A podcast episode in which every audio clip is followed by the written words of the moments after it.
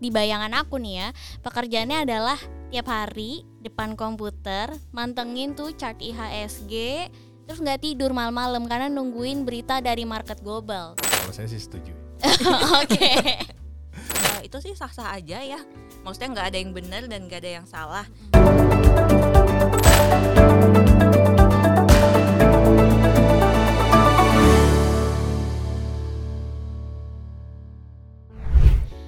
Sobat Bini Sekuritas, balik lagi di episode Potret yang kesekian kalinya bersama aku Octavia di mana kita akan berbincang-bincang seputar finansial, investasi, dan topik-topik terkini.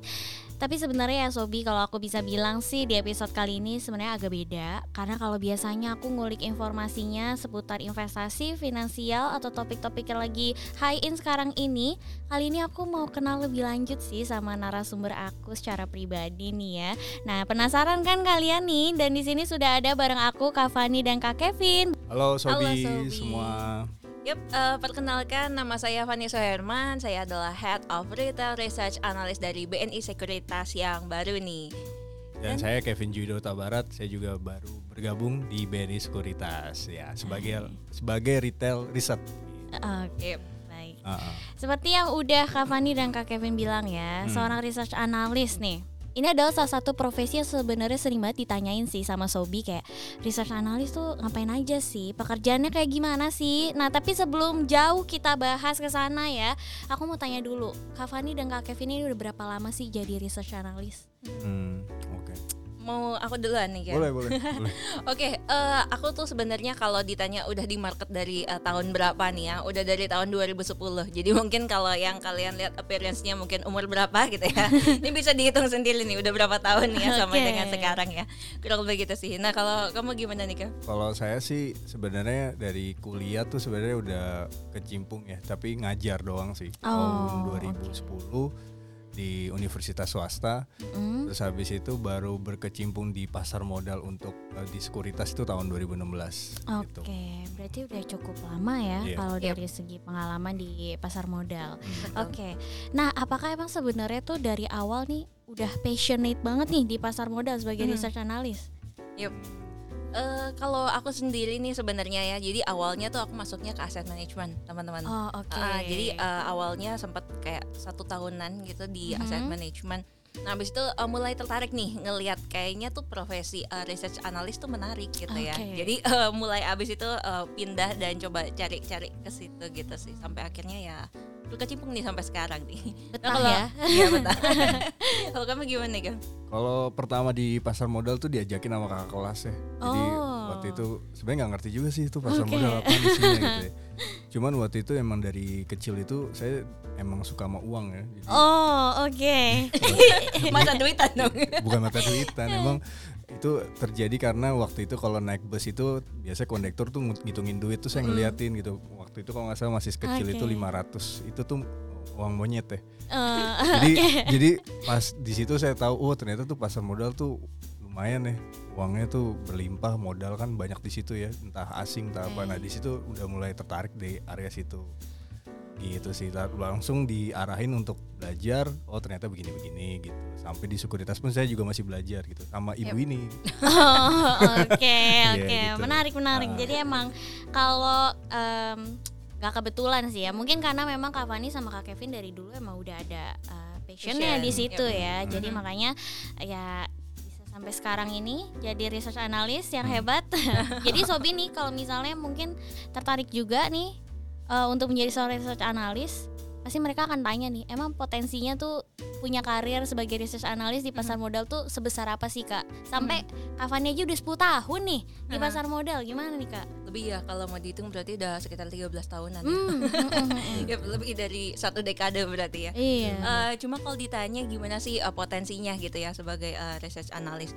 Jadi eh, sebenarnya sih tujuan kita research analyst terutama kayak di retail seperti kita ini gitu ya. Mm, Jadi kita bukan cuma menganalisis tapi juga kita eh, mengedukasi nasabah gitu. Jadi eh, nanti kalau misalkan eh, sahabat-sahabat eh, Beyond gitu ya Mhm. dari BNI Sekuritas eh, nanti mungkin ke depannya nih bakal ada kelas-kelas yang menarik juga sama kita Jadi Oh, mungkin udah oke. mulai bisa lihat dulu nih muka-muka kita ya. Karena itu eh, pastinya kita akan eh, banyak edukasi sih gitu. Jadi eh, tenang aja kalau misalkan eh, kalian benar-benar belum tahu, belum paham gitu ya mengenai eh, pasar modal itu seperti apa dan sebagainya. Nah, itu nggak usah khawatir karena itu biasanya kita guidance nih dari eh, awal gitu ya. Sampai nanti akhirnya bisa eh, benar-benar bisa mandiri gitu ya eh, menjadi seorang eh, misalkan trader ataupun seorang investor kurang lebih gitu Oh, sih. Yap. Kalau dari Kak Kevin gimana nih? Gimana gimana? Saya panjang Iya. banget. Jadi gimana gimana? Kalau dari Kak Kevin sendiri Ah, nih memandang potensi karir sebagai seorang research analis di pasar modal itu seperti apa? Nah, yang pertama tuh harus tahu kita triggernya apa dulu ya. Oke. Maksudnya passion kita apa gitu. Mm-mm. Kalau dari kayak saya kan dari kecil lihat uang tuh kayaknya seneng gitu ya. Mm-mm. Ya walaupun itu dalam tanda kutip konotasi mata duitan ya ya. Iya. cuman Iya. cuman ya senang aja gitu Mm-mm. kan jadi eh, lihat dari itu terus yang kedua adalah eh, selain kita bekerja tuh kurang lebih kita bisa investasi apa gitu jadi Oke. eh, point view-nya tuh kan kerja udah pasti nanti pensiun ya itu udah pasti Mhm. gitu. nah setelah pensiun itu kita dapat pendapatan dari mana jadi dari kuliah pun udah belajar kayak gitu nah Oke. wadahnya itu bisa banyak ya Eh, ada bisnis atau tapi kan bisnis harus buat sistemnya dan sebagainya nah kebetulan tuh ada pasar modal yang ada di Indonesia jadi triggernya gara-gara itu makanya belajar lebih tahu dari sistem oh ternyata di pasar modal begini-begini dan kebetulan juga kita jadi analis itu juga sebenarnya memberikan apa ya eh, rekomendasi yang sebenarnya juga kalau kita perhatikan juga kita sangat suka gitu buat teman-teman juga bisa cuan bareng-bareng sama Iya, kita betul.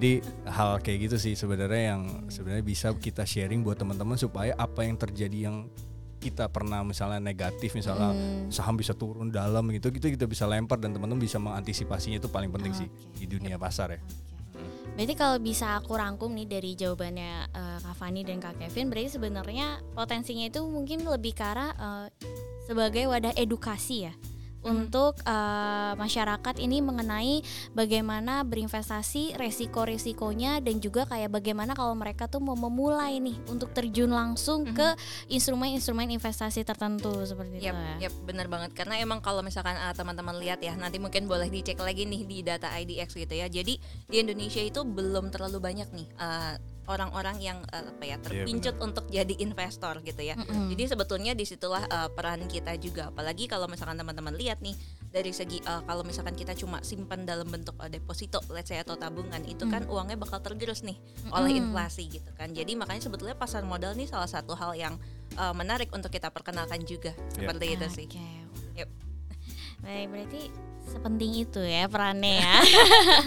Betul. Oke. Nah, kalau misalnya kita juga membicarakan jadi seorang research analyst, pastinya kan harus ada sertifikasi Betul. yang atau lisensi yang membuat eh, nanti nih audiens atau masyarakat tuh percaya kayak oh ini analis nih beneran nih Eh, rekomendasinya nih bisa dipertanggungjawabkan. Ya. Nah itu kalau untuk jadi research analyst tuh Mhm. sertifikasi apa aja sih yang harus dipunya? Oke. Eh, kalau ngomongin tentang sertifikasi itu ada banyak banget ya. Mm-mm. Jadi sebetulnya tergantung teman-teman uh, nanti mungkin yang udah jadi analis pasti tahu lah ya. Tahu ya. Eh, sebenarnya sertifikasi itu banyak banget, tapi mungkin yang eh, biasanya nih dipunyai ada WPPE, kemudian ada WMI ya, terus eh, mungkin kalau yang lebih agak sedikit mengarah ke IB itu ada WPEE ya, Oh. kemudian eh, kalau mau yang lebih advance lagi nih biasanya akan ngambil CFA gitu atau mau yang lebih kayak misalkan bisa mengelola keuangan dan nanti bisa educated Hmm. people yang lain, nah itu bisa ambil kayak saya CFP, jadi saya juga ada Oke. punya CFP gitu, makanya kalau di belakang nama saya ada CFP ya itu ya Certified Financial Planner gitu sih. Jadi eh, banyak sekali Banyak. emang eh, kalau tanya tentang sertifikasi gitu. Terus misalkan nih untuk eh, teman-teman yang kayak analis teknikal gitu ya, itu pasti juga ada berbagai macam lagi nih Hmm. sertifikat sertifikat yang harus Hmm. sebenarnya diambil gitu. Cuma balik lagi eh, penting atau enggaknya kita eh, punya berbagai macam sertifikat sebetulnya sih balik lagi apa ya kita harus eh, memang terjun langsung dulu gitu ya Iya. karena pengalaman itu eh, pastinya ya berpengaruh juga sih jadi nggak cuma sertifikasinya aja Betul gitu. betul. Jadi berarti memang harus eh, belajar dulu nih baru ngambil sertifikasinya seperti itu. Maksudnya Kak Fani apa gimana? Eh, yep. Ada juga sih sebenarnya orang-orang yang misalkan abis kuliah langsung ambil sertifikasi dulu gitu ya, baru terjun ke eh, lapangan kerja gitu Iya. misalkan. Eh, itu sih sah-sah aja ya, maksudnya nggak ada yang benar dan nggak ada yang salah. Tapi eh, balik lagi kalau menurut aku pribadi eh, semua sertifikasi itu penting, tapi yang pasti juga emang eh, apa ya jam terbang untuk Iya. kita terjun ke market Benar. itu juga penting sih. Aku setuju sih. Setuju, Iya. setuju. Iya. Betul betul kayak learning by doing gitu ya. Iya, betul. Ah, ah, benar. Mhm. Jadi kayak walaupun udah punya sertifikasi tetap harus belajar Iya, belajar iya, terus iya. ya. Iya, karena market kita itu sangat dinamis ya. Betul. berubah terus. Oke. Yep. Kak Kevin mau ada tambahan gak nih dari informasinya? Oh kalau saya sih setuju. Oke. Oke. Oke. Ah, Jadi langsung aja kita masuk ke pertanyaan selanjutnya nih. Mm-mm. Kalau tadi kita kan membicarakan soal sertifikasi, awal kenapa tertarik. Nah, selanjutnya aku mau tanya sebenarnya ya. Kalau misalnya aku juga sih sebenarnya kalau dengar eh, pekerjaan sebagai research analyst di bayangan aku nih ya, pekerjaannya adalah tiap hari depan komputer mantengin tuh chart IHSG terus nggak tidur malam-malam karena nungguin berita dari market global. Nah daripada nih aku tuh jadi takut nih ya dan menakut-nakuti Sobi nih mm, dengan pekerjaan research analis, aku mau tanya langsung aja. Sebenarnya research analis tuh kerjanya tiap hari ngapain aja sih? Oke. Oke. Nah, mungkin Mungkin- mau Kevin dulu. Mungkin dari Fanny dulu ya. Oke, awalnya siapa dulu boleh deh. Boleh boleh. Baik. Jadi eh, sebenarnya sih emang bener banget nih. Jadi kalau sebagai research analyst tuh Mhm. kita mesti eh, ngupdatein segala macam hal ya. Betul. Jadi contohnya nih kayak misalkan eh, di Morning Invest View yang tiap pagi teman-teman eh, nontonin kita Mm. gitu ya. Itu kan di situ kita emang nge-share eh, bukan cuma kayak view dari global aja kayak gimana gitu kan. Mhm. Tapi dari segi harga komoditi, kemudian nanti juga eh, kita bahas dari eh, perspektif mana nih yang menarik yang bisa kita kulik dan sebagainya gitu. Jadi emang eh, pastinya kita terus banyak baca gitu ya Mhm. banyak update tentang segala hal uh, dan ya itu sih tapi intinya uh, kalau Sobi mah nggak usah khawatir gitu ya karena udah pasti itu kita yang akan uh, kerjain dan itu akan kita uh, update ke Sobi gitu sih Iya iya benar. Yep. Jadi ya sam- sama ya kayak Fanny juga gitu. Sebenarnya kalau ditanya tidur kita tidur ya. Jangan bilang kita nggak tidur, kasihan juga loh. Karena kalau kita kan kalau memakai pem- eh, analisa itu kan pakai pemik ini ya, pakai pemikiran ya. Jadi emang pikiran itu harus diistirahatkan juga ya. Jadi kalau setelah pulang kantor ya kita pulang gitu. Nanti kalau masalah nanti kita bangun subuh ya kita lihat pergerakan dari Dow Jones gitu loh. Tapi Dow Jones itu kan eh, baru kita lihat tuh nanti jam 4 jam ti- eh, sorry jam 4 jam 5 subuh gitu pas kita Oke. bangun gitu. Jadi kita baru bisa rekap apa-apa aja. Tapi kalau misalnya ditanya, wah kita pantengin juga nih yang Amerika Serikat. Wah, nggak- Nggak sampai segitunya Iya, ya. gitu juga. Dan dan uh, hari bursa itu kan Senin sampai Jumat. Bayangin nggak lima hari nggak tidur. Terus satu minggu ternyata tepar uh, gitu. nggak bisa malam minggu kan gak enak juga Oh gitu ya. iya bener Jadi ya. sebenarnya nggak usah khawatir teman-teman eh, ketakutan. Eh kalau analis tuh tidurnya nggak nentu. Sebenarnya nggak juga sih. Tergantung kalau job desk job desknya banyak ya kemungkinan dia baru pulang jam 11 wajar-wajar aja karena dia Hmm. lagi ada ngerjain misal laporan keuangan yang baru rilis gitu kan. Terus dia dia hitung valuasinya. Nah terus dia report ke ke mana ke apa ke eh, kantor terus juga ke nasabah ya mungkin pada saat itu. Tapi ketika reportnya udah selesai ya udah dia bisa eh, bisa lihat kerjaan yang lain dengan lebih santai gitu. Jadi itu sih sebenarnya point view-nya ya. Bener nggak sih Van? Iya bener banget sih. Nah, berarti ya kurang lebih inilah ya tiap hari eh, mantengin data gitu kali ya cari Yap. data apa Cari yang data. bisa diupdate ke masyarakat atau nasabah gitu ya betul. Eh, insight-insight yang bisa mungkin kita berikan juga nih dari hasil pemahaman kita terhadap data tersebut Mhm, Investor. Jadi sebenarnya kerjaan kita itu juga bisa membantu dan kita sangat senang sekali ya betul kalau nasabah datang ke eh, ke BNI Sekuritas dengan begitu banyak terus habis itu kita bisa bantu untuk tujuan investasi itu kita sangat senang sekali gitu ya Yap, betul bener nggak jadi apalagi kalau untung oh iya Iya kan? Iya, bener iya. bener, bener bener banget sih jadi eh, sebenarnya ya ya udah kayak gitu ya Yap. tujuannya Oke. adalah mensejahterakan masyarakat Iya. Oke. Oh, iya. Jadi mungkin bisa dibilang tuh kayak kalau misalnya bikin rekomendasi, kasih analisa, terus ternyata bener bisa bikin con itu ada kepuasan sendiri Oh kali iya, ya. bener. betul bener Iya, banget Bener ya. bener banget betul Oke. Nah, kalau gitu menurut Kak Fani dan Kak Kevin seberapa penting sih hasil analisa kalian untuk mungkin nasabah atau eh, masyarakat yang Hmm. menyaksikan nih mungkin di Morning Invest View gitu? eh, saya dulu yang ngomongnya Boleh, Nanti Boleh, boleh. boleh. udah nggak sabar nih mau ngomong tapi tapi kalau kalau itu penting banget sih Oke. Okta. Jadi eh, sebenarnya goals kita tuh ketika kita jadi analis adalah sebisa mungkin membantu nasabah untuk mencapai tujuannya. Nah tujuannya itu Hmm. banyak-banyak. Eh, tujuannya misalnya ada yang mau investasi jangka panjang buat dana pensiun. Betul. Nah, seperti itu terus ada yang mau cita-cita mau keluar negeri ke Swiss misalnya. Terus ada cita-cita juga mau beli mobil. Nah, tapi dengan dana yang sekarang itu ternyata belum bisa. Tapi di ekspektasi ke depan kira-kira bagaimana keadaannya dengan cuma bermodalkan tabungan kayaknya dengan gaji salary yang ter, eh, misalnya mungkin UMR atau di atas UMR mungkin agak kurang. Nah, jadi sebisa mungkin kita tuh punya goals untuk eh, buat nasabah juga terbantu gitu dengan kehadiran kita biar teman-teman juga bisa merasakan investasi dan dapat keuntungan yang di atas dari suku bunga. Misalnya contoh kayak deposito gitu kan karena tentunya itu yang kita lihat. Karena di sini kita bicara saham berarti high risk high return. Betul. jadi tentu high risk eh, sorry high return udah pasti bergerak di high risk. Jadi tentunya kita juga harus memberikan edukasi bagaimana mendisiplinkan bila mana si saham tersebut yang kita rekomendasikan ternyata tidak sesuai ekspektasi kita. Apa yang harus kita lakukan? Nah itu nanti teman-teman bisa belajar tuh di analisis fundamental teknikal dan sebagainya. Oh. kita akan menyediakan itu. Jadi sebisa mungkin goals kita adalah sebisa mungkin untuk eh, memberikan edukasi kepada nasabah dan investor sesuai dengan tujuan investasi masing-masing lalu setiap keluhan eh, terhadap nasabah juga kita bisa kasih tahu kira-kira kalau biasanya kan banyak ya Mbak Okta eh, eh, ini sahamnya kenapa bisa turun terus? Nah, Iya, kan kayak gitu iya, ya. benar-benar. nah kita tuh yang kasih tahu gitu. Nanti pas turun gimana nih cara eksekusinya? Nah itu bisa teman-teman lihat di em, Kelas nanti ya, ya. kelas nantinya gitu. Karena itu panjang banget. Jadi kita lihat nanti best best price terus Iya. juga parameter waktunya kira-kira untuk best price bagaimana. Wah banyak deh.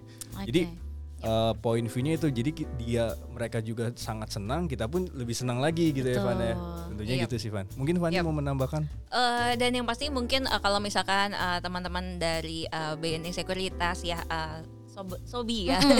nah, Sobi ini eh, suka lihat gitu ya. Mungkin ada yang muncul pop up nih berita apa, berita apa itu sebetulnya adalah dari eh, tim saya yang akan mengerjakan itu.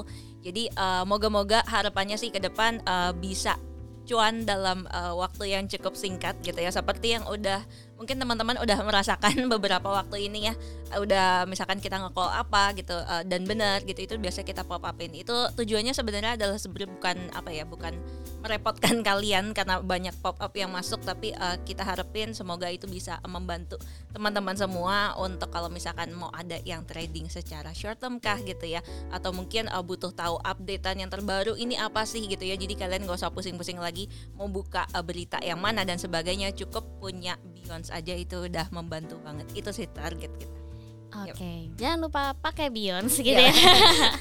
Betul.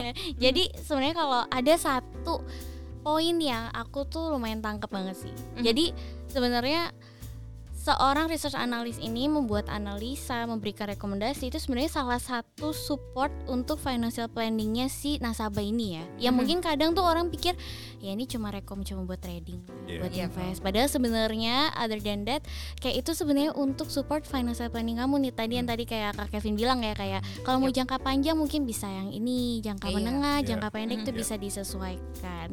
Oke. Nah, kalau tadi kita udah membicarakan keberhasilan-keberhasilan seorang research analyst. Hmm. Nah, kalau dari Kak Fani dan Kak Kevin sendiri, kira-kira pernah nggak sih salah nih menganalisa terus udah Oke. rekomendasi lagi nih? Mhm. Oke, eh, kalau ditanya pernah atau enggak pasti pernah gitu ya. Jadi eh, bohong kalau misalkan bilang 100% itu benar gitu, itu malah Iya. bahaya. Iya. Eh, teman-teman harus waspadai kalau misalkan ada yang bisa menjanjikan eh, ini pasti betul 100% gitu ya. Karena balik lagi eh, yang kita lakukan itu menganalisis pasti tetap ada errornya gitu ya. Eh, tapi mungkin ini bisa diantisipasi enggak terlalu jauh kenapa? Karena di setiap rekomendasi kita itu biasanya selain ada disclaimer on itu ada kita tetapkan juga namanya level cut loss. Jadi kalau misalkan uh, teman-teman watch aja gitu ya, udah masuk ke dalam level cut loss, nah itu uh, teman-teman bisa cut loss. Jadi uh, istilahnya kalau misalkan uh, terjadi kerugian, kerugiannya tuh nggak terlalu parah banget. Oke. Gitu sih. Jadi mungkin itu sih yang bisa di share. Ya saya juga mau nambahkan juga ya. Memang kalau ditanya salahnya ada nggak ada juga gitu. Tapi sebenarnya bukan salah ya. Jadi kita menganalisa pada saat itu. Nah, Yep. ketika berjalannya waktu ternyata ada sentimen apa pun yang kita tidak tahu. Tiba-tiba ternyata menjadi salah satu negatif. Misalnya ada beberapa perusahaan ternyata eh, laporan laba ruginya ternyata tidak sesuai ekspektasi pelaku pasar. Nah kita kan gak ada yang tahu ke depannya ya. Iya, Maksudnya itu. Eh, jadi kita taunya adalah pada saat kita menganalisa Masih ki- baik-baik ya, aja masih gitu ya. baik-baik aja. Yep. Cuman berjalannya waktu mungkin satu bulan, dua bulan gitu ya. Kalau kita lihat ternyata ada berita-berita yang menjadi misalnya kesandung apalah eh, misalnya tentang hukum dan sebagainya Yap, itu yang kita di luar prediksi kita. Jadi sebenarnya ya itu tadi saya katakan bahwa saham ini adalah produk yang sebenarnya high risk high return Mhm. dan tentunya benar kita dapat high ret- eh, dapat high return tapi satu sisi kita lihat juga ada resiko yang juga me- eh, melihat kita juga gitu. Jadi tentu tadi Fanny saya setuju ya bahwa ketika kita tidak sesuai ekspektasi returnnya, bagaimana caranya kita untuk eh, stop lossnya di mana, cut lossnya bagaimana, kurang lebih seperti itu sih. Oh. Jadi kalaupun ada kesalahan itu juga dikasih antisipasinya seperti Iya, itu iya. ya. Mm. Apakah ini juga salah satu cara seorang research analis ini membangun kepercayaan dari masyarakat atau nasabah? Kalau dari Kavani gimana? Eh, sebetulnya kalau ditanya membangun kepercayaan atau enggak, eh, itu sebenarnya bisa dilihat dari track record gitu ya. Oke. Jadi contoh nih, misalkan kita ngomongin eh, segala sesuatu di Morning Invest View, Mhm. Eh, itu kan teman-teman bisa lihat nih, oh eh, waktu dia ngomong ini, oh ternyata bener loh yang ini naik gitu kan. Nah Mm. itu mungkin juga jadi salah satu eh, yang akhirnya nasabah juga ngelihat bahwa oh iya ya dia eh, lumayan nih kalau ngomong Mm-mm. betul gitu Iya, kalau iya. misalkan mungkin itu sih ya Iya, bisa bisa benar. jadi Bisa eh, jadi track acuan itu. juga, iya. Oh. benar benar benar. Jadi kayak ini ya begitu dia omongin apa itu yang terjadi seperti itu ya. Iya, Iya. iya. Oke. menarik menarik ya. Tapi sih intinya begini sih, kalau kita mau teman-teman yang join di eh, apa BNI Sekuritas gitu ya, sebenarnya ketika nanti suatu saat mungkin teman-teman cuan terus habis itu rugi, sebenarnya eh, itu hal wajar sih sebenarnya. Eh, karena kenapa? Karena gini, bisa bayangkan ketika nanti cuan gede tiba-tiba tergerus beli satu saham, akhirnya turun dalam gitu loh. Sebenarnya sih kalau dari generasi milenial- dan Gen Z itu kadang agak aduh udah deh gue quick aja atau gue keluar aja gitu Iya, maksudnya kan biasa gitu. Sebenarnya jangan keluar. Eh, sebenarnya di situ mau sebenarnya gini, kalau mau jadi trader itu harus diasah mentalnya dulu. Nah, itu nanti kita ada pelajarannya sih nanti. Pokoknya Iya. belajar psikologi pasar Trading. gitu ya. Betul, Ya, betul. itu sih. Ini dari tadi Kak Kevin sama Kak Fani udah nyinggung-nyinggung nih soal kelas. Jadi Sobi tungguin aja karena bakal ada yang spesial dari Ya. Kak Fani dan Kak Kevin nih ke depannya. Jadi stay tune terus. Hmm. Nah, aku akan tanya nih sebagai pertanyaan penutup. Kalau misalnya di sini Sobi yang nonton ada yang jadi tertarik mau belajar analisa juga nih. Hmm. Ada nggak tipsnya? Apakah kayak skill apa yang harus dipunya, portofolio apa yang harus dipunya? Boleh nih di-share nih sama Kak Fani dan Kak Kevin.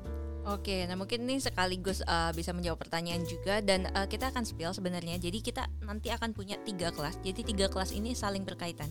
Jadi uh, yang pertama ada kelas khusus fundamental, kemudian yang kedua uh, khusus teknikal, dan yang ketiga ini adalah uh, kayak kelas tematik. Nah sebenarnya tiga, tiga kelas ini kenapa uh, berhubungan gitu ya? Jadi uh, tadi ditanya nih kira-kira apa aja sih yang dibutuhin kalau misalkan uh, tertarik untuk menganalisa gitu ya, uh, belajar menganalisa suatu saham.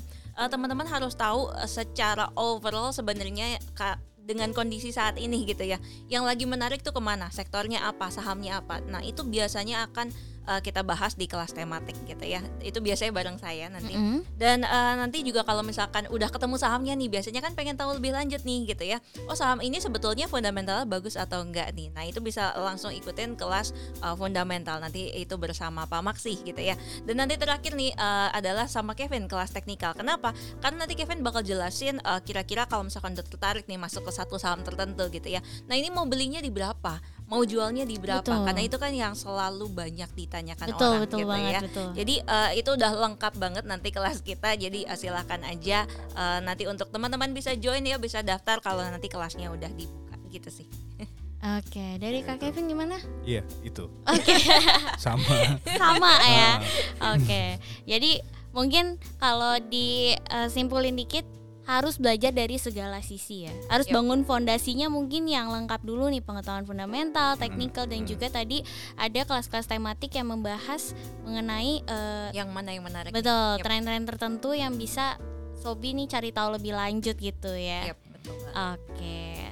Ya nggak kerasa nih kita sudah di penghujung bincang-bincang kita. Terima kasih Kak Fani dan juga Kak Kevin untuk waktunya. Dan untuk Sobi, thank you udah nontonin uh, potret kali ini sampai akhir. Jangan lupa untuk subscribe dan juga komen kira-kira potret selanjutnya kita mau bahas apa lagi ya. Dan jangan lupa juga untuk follow all social medianya BNI Sekuritas dan Beyonds.official supaya kamu nggak ketinggalan info-info menarik dari kita. Dan saya Octavia pamit undur diri sampai jumpa di episode potret selanjutnya. Bye.